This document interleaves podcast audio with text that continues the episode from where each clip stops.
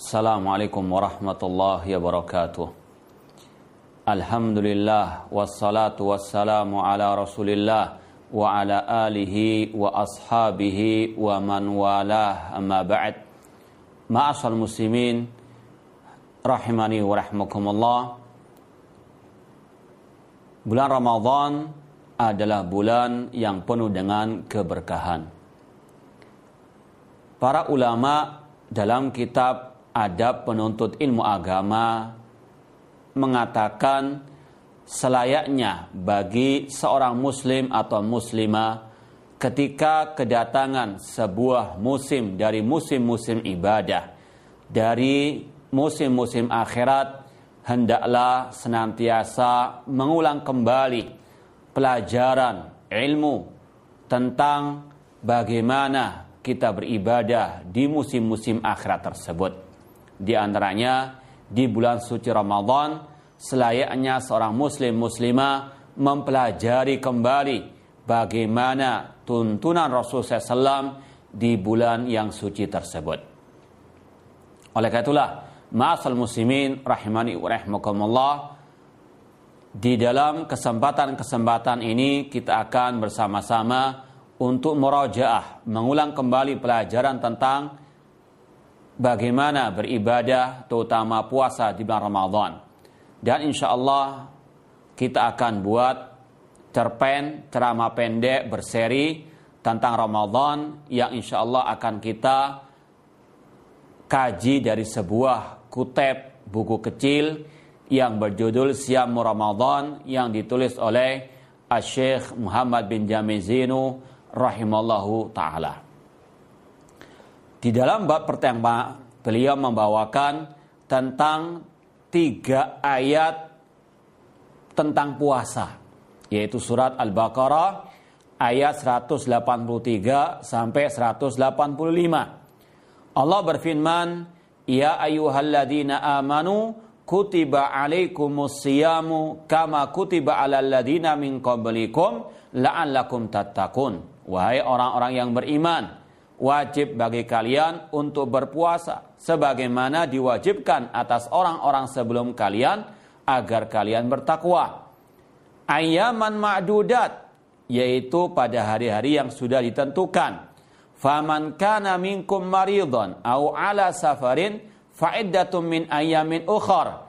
Barang siapa di antara kalian yang sedang sakit atau sedang musafir, maka diperbolehkan untuk dia berbuka puasa, namun diwajibkan untuk mengganti di hari-hari yang lain. Miskin.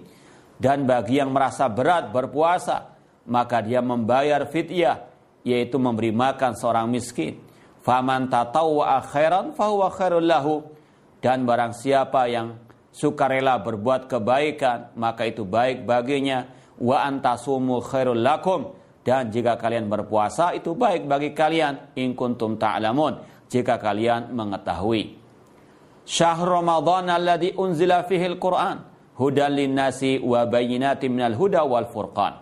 Bulan Ramadan di dalamnya diturunkan Al-Quran sebagai petunjuk bagi manusia dan penjelas bagi petunjuk tersebut dan sebagai Al-Furqan pembeda antara yang hak dengan yang batil faman syahida minkum masyara falyasumhu. Barang siapa yang menyaksikan bulan Ramadan di antara kalian maka hendaklah dia berpuasa. Wa man kana maridan au ala safarin fa'iddatun min ayamin ukhra dan barang siapa yang sakit atau dalam keadaan safar maka boleh berbuka puasa dan dia mengganti di hari-hari yang lain. Yuridullahu bikumul yusra wala yuridu bikumul usra Allah menghendaki kebaik kemudahan bagi kalian dan Allah tidak menghendaki kesulitan bagi kalian. Walitukmilul iddata walitukabbirallah ala ma hadakum. Dan agar kalian menyempurnakan bilangan bulan Ramadan dan untuk kalian mengagungkan Allah atas hidayah yang Allah berikan kepada kalian. Wala'alakum tashkurun. Dan agar kalian bersyukur. Kemudian Syekh Muhammad bin Jamil Zino mengatakan min fawaidil ayat di antara pelajaran faedah yang bisa kita petik dari tiga ayat tersebut Yang pertama, faradallahu siyam alal mu'minin kama faradallahu alal ladina min qablihim. Allah mewajibkan berpuasa atas orang-orang yang beriman sebagaimana Allah mewajibkan atas orang-orang sebelum mereka lima fihi minal fawaid ad-dunyawiyah summat ukhrawiyah. Hal itu dikarenakan banyaknya manfaat-manfaat bagi yang berpuasa baik di dunia maupun di akhirat. Yang kedua di antara faedah ayat tersebut al-husul ala martabati taqwa azza wa jalla bahwasanya di antara manfaat orang berpuasa tersebut yaitu meraih derajat takwa Allah azza wa jalla. Karena di dalam puasa Ramadan banyak sekali hal-hal yang menguatkan iman dan ketakwaan. Maka dengan itu diharapkan orang yang berpuasa di bulan Ramadan betul-betul menggapai derajat la'allakum tattaqun. Yang ketiga, asyam ayyamuhum ma'dudatun la tazidu an salasina yauman. Puasa Ramadan itu bilangannya terbatas tertentu tidak lebih dari 30 hari. Entah 29 atau 30 tidak lebih dari itu. Yang keempat di antara faedahnya al-marid wal musafir yubahu lahumal fitru fi Ramadan wa alaihimal qadha. Bagi orang yang sakit, yang musafir, dibolehkan baginya tidak berpuasa di bulan Ramadan, namun kewajibannya untuk mengganti di luar bulan Ramadan. Yang kelima, kana takhir bainal iftar fi Ramadan wa daf'il fidya awis som summa nusikha wa somu fardon. Dahulu masih dibolehkan orang itu memilih antara dia tidak berpuasa di bulan Ramadan namun membayar fidyah atau dia berpuasa. Ada pilihan di waktu awal-awal syariat puasa tersebut. Kemudian hal itu dihapus dan yang ditetapkan wajib untuk setiap muslim muslimah berpuasa di bulan Ramadan kecuali kalau ada udzur yang syar'i. Yang keenam di antara pelajaran yang bisa dipetik dari tiga ayat tersebut di antaranya fadlu syahir Ramadan, keutamaan bulan Ramadan yaitu bulan diturunkannya Al-Qur'an yang merupakan kalam Allah Allah memilih bulan Ramadan untuk menurunkan semulia-mulia kitabnya yaitu Al-Qur'anul Karim.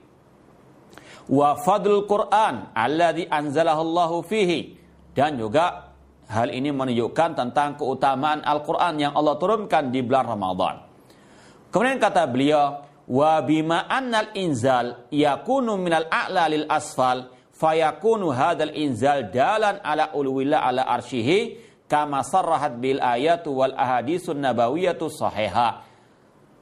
Dan di antara faedahnya juga karena turun itu dari atas ke bawah, maka ini menunjukkan akan ketinggian Allah di atas arsh, di atas langit seperti yang dijelaskan dalam banyak ayat, dalam banyak al-hadis. Di antara ayatnya misalnya Allah mengatakan Ar-Rahman ala arsistawa Allah yang maha penyayang itu tinggi di atas arsh. Demikian pula Allah mengatakan, Amin man fis. Apakah kalian merasa aman dengan zat yang di atas langit, yaitu Allah subhanahu wa ta'ala.